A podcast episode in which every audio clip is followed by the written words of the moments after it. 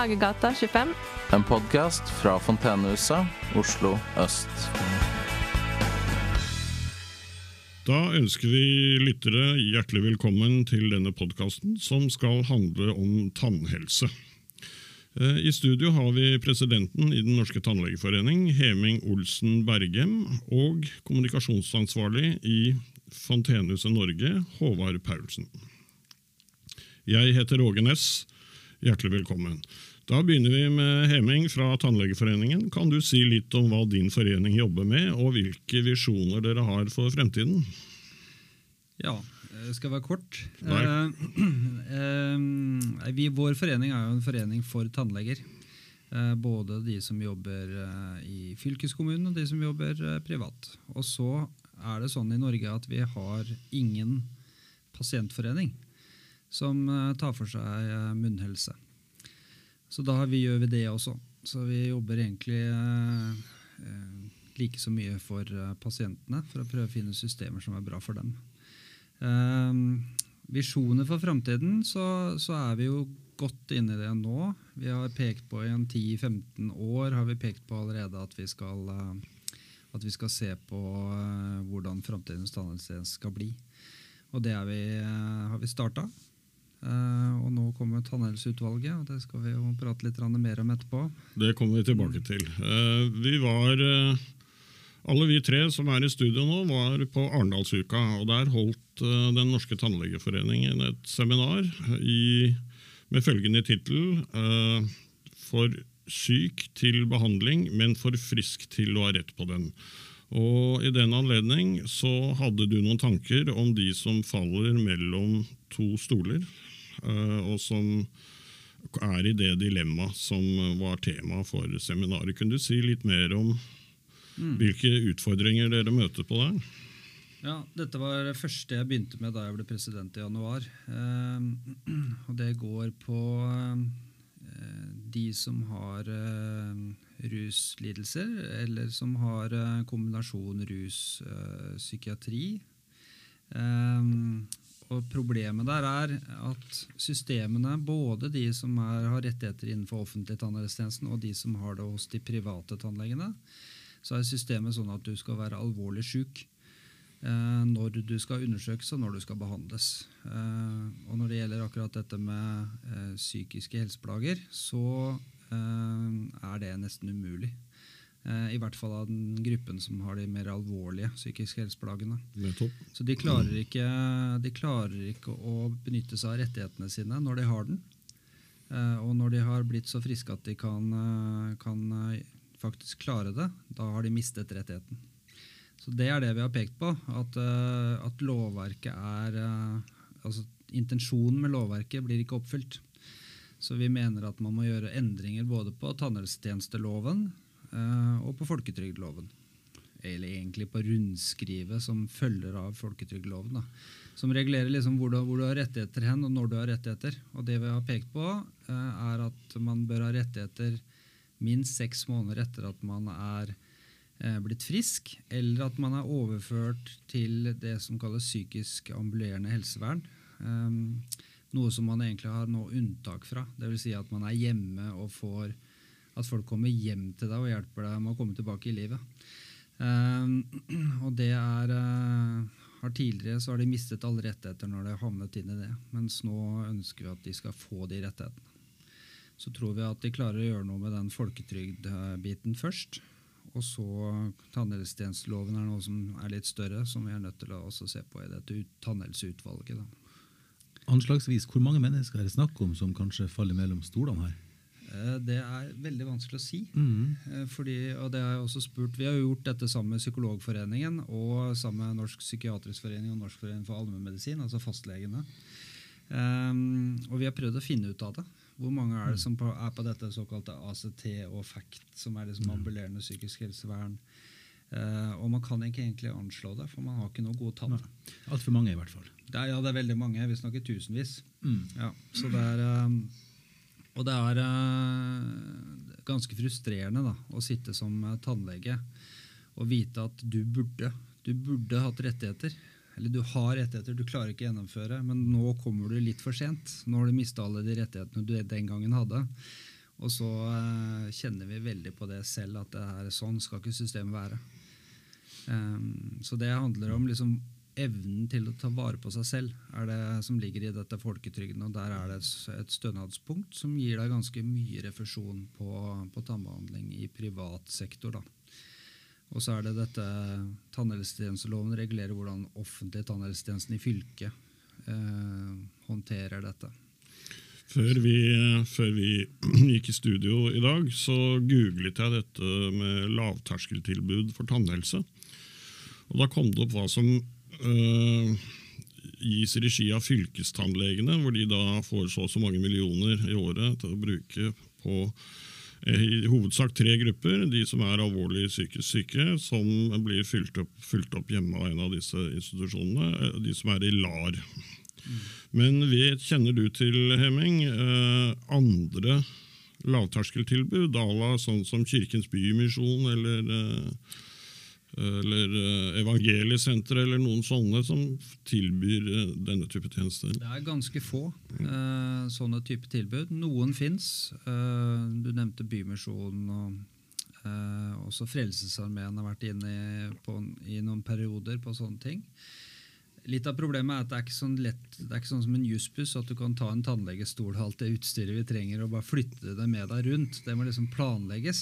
Det fins en sånn type van som er innretta med tannlegestol inni, som kjører rundt her i Oslo. Eh, med tannleger eh, om bord, som er også sjåfører. Akkurat. Eh, Er den operativ i dag? den er operativ i dag. Eh, og den, eh, det er et sånt veldig veldig lavterskeltilbud, og det er noe vi har sett på eh, som er veldig positivt i tillegg. Eh, og så, vet, så er det kommet også Det, det finnes en organisasjon som heter Tannleger uten grenser. Altså tilsvarende som Leger Ja, uten ja. grenser. Og en, de har også dratt i gang en sånn type åpen dag eh, på en drøss av tannklinikker rundt om i området hvor, eh, hvor de tilbyr åpen dag. Da kan du komme og få akuttbehandling gratis. Hvor finner man informasjon om tidspunkter og sånn for det? Den skal vi eh, videreformidle gjennom Tannlegeforeningen, ja. og i mye større grad. Men det har vært ofte sånn type lokale initiativ, så, og da har de ofte satt opp eh, oppslag om det på lokale butikken. Og, eh, så dette er som, eh, ikke noe som er fast og regulert, og som, er, eh, som kommer hver måned, liksom. men det, i perioder så, så er det sånn at noen tannklinikker da åpner opp dørene og, og gir gratis behandling. Da kan vi anbefale våre medlemmer at de kan google 'Tannleger uten grenser' og se hva som kommer opp der, om det er noe i deres eh, lokalområde. Eh, Da går vi litt videre. Et av problemene har jeg forstått er at svært mange tannleger de går over i privat praksis, fordi det er vesentlig bedre betalt enn i offentlig tannlegehelsetjenesten. Eh, Har dere noen plan eller et system for å begrense den lekkasjen over i privat praksis, som jo etter alt å dømme er eh, bedre betalt? Ja, altså det er eh, vi- er ikke helt sikre på om det er så veldig mye bedre betalt. For det er jo mange andre systemer rundt dette med å være ansatt i staten eller fylkeskommunen. Eh, Men noe er det nok. Eh, Nå er det ikke noe sånn at det har økt så veldig i den private delen. Vi har alltid hatt i Norge en stor privat eh, del, og vi anslår sånn ca. rundt eh, altså to tredjedeler er eh, arbeidere i privat sektor. Ehm, og det kommer litt an på hva oppgaven er, eh, hvorvidt vi skal gjøre noe med det. Eh, og det er jo det vi har pekt på nå, er at vi ønsker en økt offentlig finansiering. Dvs. Si at pasientene skal betale mindre fordi at offentlig støtter mer. Eh, og så må vi se på hva, hvor er det det mest effektivt kan hvor, hvor kan vi få de pengene best ut til de som skal bruke dem, altså pasientene. Og Det er ikke sikkert at det er gjennom det offentlige systemet. Det kan godt hende at det er gjennom privat sektor, men med da disse stønadsordningene som går over folketrygden. Så Det diskuterer vi nå fram og tilbake, både i Tannlegeforeningen, oss tannleger imellom, øh, øh, gjennom NTF-systemet på universitetene. Men vi diskuterer også, dette er også en av de viktige tingene vi skal ta opp i utvalget. Da. Hvor vi skal prøve å se på hvordan kan vi best organisere oss, sånn at pengene ikke forsvinner i byråkratiet, men havner til det beste til pasientene. Uh, en mer utfyllende eh, og omfattende eh, belysning av dette problemet finner dere på forsiden til Fontenehuset Oslo øst. Der er det et fullstendig opptak og utskrift av det seminaret som ble holdt under Arendalsuken. Mm. Så til alle dere som gjerne vil gå litt i dybden på dette, forsiden på Fontenehuset Oslo øst. Så bare scroller du litt nedover, så, så finner du det. Da går vi over til et annet spørsmål hvordan, eller hvor, siden vi nå snakker om nettsteder, finnes det noe sted hvor pasienten kan finne all og presis informasjon om hva som gir rett til tannlegebehandling? Ja, altså vi, har, vi har det på tannlegeforeningen.no. Eh, ja. Der vil du finne det. Og så, og så finner du det på helsedirektoratet.no. Mm. Eh, hvis du søker tannhelse der, så vil du finne du, altså hvem som har rettigheter til hva. Og så har vi pekt på det at eh, mye av det byråkratiske språket er litt vanskelig å forstå for uh, hvermannsen. Så vi prøver å gjøre noe med det, sånn at de som skal faktisk bruke eller vite om de har rettigheter eller ikke, kan forstå hva det er som står der. At det er mye mindre fagord, at det er mye mindre byråkratisk språk. Det jobbes det med nå, ja. så det håper jeg vi kan få til. da. Det, Håvard, ja. kanskje det kunne være en utfordring til Fontenehuset Norge at vi hadde et sted på nettsidene der hvor vi samlet all relevant informasjon, skrevet på et språk som er mulig å forstå. Hva sier du til at vi skulle sette i gang et sånt prosjekt? Ja, altså, For det første så vil jeg si at det gleder meg veldig at, eh, at dere tenker på språket. Eh, for det er jo avgjørende i forhold til tilgjengelighet på tilbud. Og det snakkes for lite om språk når det gjelder universell utforming. og sånt, fordi blir jo, eh, man blir jo utslitt av å lese tungt språk alle i hop. Ja. Særlig hvis man, er, hvis man har andre utfordringer i livet òg. Mm. Så eh, jeg vet at Nav nylig har hatt en ordentlig gjennomgang med å, med å bli kvitt det her navske språket. Da. Nettopp med å bare gjøre tilbudene sine mer tilgjengelig. Um, men i hvert fall uh, til det du sier, Åge, så er det jo veldig bra forslag det å ha det samla. Jeg tenker at nettsiden til Fontenehus Norge kunne uh, absolutt ha et sånt sted, et sånt hub for gode kilder til informasjon. Ja. Ikke utgreininger om detaljer. For ja. det er mange ulike tilbud som er aktuelle, men en hub. Liksom. Mm. Et samlingssted, for å bruke norsk klarspråk, for ulike tilbud. Det er en god idé. altså. Og Det er sikkert noe vi kan, eh, Tannlegeforeningen kan være med å bidra til. altså for ja, skrevet det på liksom klarspråk. da. Mm. Og så er det viktig å si det at eh, selv om det står på klarspråk der, så er det allikevel liksom tannlegen som tar den vurderingen om det faktisk faller innafor eller utafor i det systemet. Fordi at det er en del faglige betraktninger rundt det også. Mm. Så det er ikke sånn nødvendigvis gitt at du har rettigheter uansett. Det er ikke sånn systemet fungerer innenfor tannhelse. Nei. Det er jo sånn systemet kanskje burde fungert. Men, mm. men uh, det er ikke helt likt sånn som resten av uh, kroppen. Mm. Når vi snakker om resten Jeg satt på en benk sammen med en dame som var tysk, men som hadde bodd i Norge en stund. og Hun spurte hvorfor er det ikke sånn i Norge som det er i Tyskland, hvor man hos tannlegen betaler bare en egenandel, sånn som vi gjør med all annen helsetjeneste her i Norge. Mm. Ja, vi, vi, har spurt oss uh, samme spørsmålet. Um, I Tyskland så er det sånn at de har vedtatt at, man, at alle må ha en, uh, en helseforsikring. Uh, så de betaler det over skatteseddelen. Akkurat. så det er, og det er jo sånn at penger kommer ikke bare og går og blir borte. Liksom. Det, det, det, det er, et, er, en pott i et system, sånn at du um, Sånn som det er i Tyskland, så, så betaler du egentlig på forhånd eh, for hele fellesskapet. Og så er det noen da som bruker mye av det, andre bruker ikke. Og Sånn eh, kunne man godt tenke seg at man eh, skulle hatt et tilsvarende system. Og så vet vi at eh, ikke alt fungerer i Tyskland heller. Og Vi har akkurat vært på den internasjonale tannlegeforeningen møte og diskuterte med mange forskjellige land. Nederland har også en sånn type ordning hvor de har helt klare pristak. Du kan ikke ta mer betalt enn en gitt sum. Mm. Eh, og så dekker, eh, dekker, da staten en viss prosent av den summen igjen. Da. Og, og I tillegg så er det mange land som også har eh, ordninger hvor hvis du da har altså la, lavere inntekt, eh, at kostnadene er for store, at du har for lite rest, restkapital i det totale bildet, da vil staten gå inn og si at du slipper.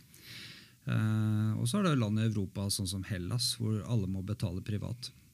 Så det er veldig stor forskjell. Når vi snakker om eh, utlandet, så er det jo blitt uh, veldig populært, og vi ser at det markedsføres at du kan få tannlegebehandling i mm. andre land, deriblant Øst-Europa, til en fjerdedel, en tredjedel av prisen av det det koster i Norge. Det, ser du noen betenkeligheter ved det? Eh, ja, det gjør vi jo. Eh, først vil jeg si at det er ikke sånn at man tenker at det er dårlige tannleger i alle andre land enn i Norge. Det er viktig, viktig å starte med å si. Så det er ikke sånn at du nødvendigvis kommer til en dårlig tannlege, men uh, samtidig så er det litt som vi har pekt på det at, at uh, det er noen spesielle grupper som prøver å sikte seg inn mot å skaffe seg pasienter fra type Norge, da, som, har, som har en bedre økonomi enn i, i store deler av verden ellers. Uh, så det er lukrative pasienter å hente inn, sånn rent pengemessig. Og kostnadene i de landene er lav. I tillegg så, så er vi jo bekymra for altså den, Denne pandemien vi har vært igjennom, er jo egentlig ingenting mot det som kommer med en antibiotikaresistensutvikling, som vi er litt redd for. Mm. Uh, og der ønsker vi jo minst mulig liksom, forflytning av mennesker over landegrenser uh, i form av helsebehandlinger. Uh, fordi det vil kunne øke risikoen for at man drar med seg da, disse motstandsdyktige bakteriene inn i Norge. Da, I mye større grad. Så det er en av de tingene. Mm. Um, og så er vi i noen grad litt bekymra for at, eh, at, man kan bli utsatt for overbehandling på de klinikkene i utlandet. Um, og Da vil jeg i hvert fall anbefale om at man får sjekket ut at dette faktisk stemmer, uh, hvis man skal ha mye behandling. Ja, for det er jo penger i dette her. Nei, vi tenker på at Noen av våre medlemmer kunne jo komme, eller vet av, har kommet til den situasjonen at de enten har arvet penger eller mottatt en voldsoffererstatning, eller hva det måtte mm. være, og da vil jo de naturligvis ha fått gjort de tann, den tannpleien de trenger, til en uh, høfligst mulig penge. Mm. Men det er noen faremomenter der. Ja, det er det. det, er, uh, vi, ser det at det er, uh, er noe form for overbehandling. og det er, Som vi sier, da, og så vet vi at noen av de klinikkene i utlandet har, har svart oss med at de helhetsbehandler, mens vi stykkbehandler. Um, mens vi mener fortsatt at det er riktig å ta behandling når det er et reelt behov, og ikke gjøre masse behandling for å forebygge hva som eventuelt kanskje ikke kommer seinere. Mm. Så det er, det er, litt, det er noe liksom forskjellig i de etiske måtene man ser på ting. Og det er liksom det viktige med alle som er medlemmer i Tannlegeforeningen, forplikter seg til å følge visse etiske regler. Og der er som overbehandling, det å gjøre kloke valg og ikke drive med behandling som ikke er godt dokumentert, det å ikke påvirke pasienter til å gjøre behandling som er unødvendig. Eh, alt det ligger inne i det å være medlem hos oss. da. Så Det er liksom en trygghet i mm. dette systemet. Og så er det også sånn at hvis noen da likevel gjør det, så vil vi jo kunne, kunne gå på de tannlegene og si noe om det bare kjapt si at jeg har akkurat samme erfaring med min personlige tannlege. Han, eh, han har fått et bitte lite hull i en av tennene mine, og det har ikke utvikla seg over mange år. og Han eh, nevner det hver gang, sjekker det hver gang, hvert år, da, mm. og sier at han ikke vil ta det før det er nødvendig. Ja. Og Det er helt supert. Det, det skaper tillit uh, hos meg som pasient, og, mm. ja, og det, det, virker fornuftig. Ja, og Jeg har mange kirurgi, jeg er jo kirurg, og jeg har mange mm. kirurgkollegaer i, i disse landene. Og De sier jo også det at de, de er disse klinikkene som sikter seg mot uh, mange av de skandinaviske landene, og for så vidt også USA, da, uh, de uh, er veldig raske til å gjøre behandling. Mye raskere enn de, er i, de andre tannlegene i deres eget land også er. Da. Så det er noe med det også som man må Og det er ikke alltid så mm. lett som bruker å vite. At er dette nødvendig, eller er det ikke? Ja. Da, ja. ja. unnskyld. Eh, vær så god, Håvard. Nei, jeg skulle bare si at Det var mange gode spørsmål du har fått inn her fra Fontenehus-medlemmer. Var, var, det flere nå, eller? Jeg tror vi har vært gjennom uh, ja. de spørsmålene som har kommet inn her. Det kom jo inn mange flere spørsmål enn det, men veldig mange av de var spørsmål om det samme, bare Nettopp. formulert litt annerledes. Og Da vil jeg bare avslutningsvis nevne at hvis noen av dere som hører denne podkasten har spørsmål, så kan dere gå inn på enten ringe oss på Fontenehuset Oslo øst eller Fontenehuset Norge, eller sende inn mail til oss. Send inn spørsmålene, så skal vi sørge for at de spørsmålene blir besvart. Nettopp. Da vil jeg si hjertelig takk for at du stilte hos oss. Heming Olsen Bergem, president i Den norske tannlegeforening, og takk til deg, Håvard Paulsen, kommunikasjonsansvarlig i Fontenehuset Norge. Og jeg takker for meg, Åge Nets, Fontenehuset Oslo øst. Tusen takk.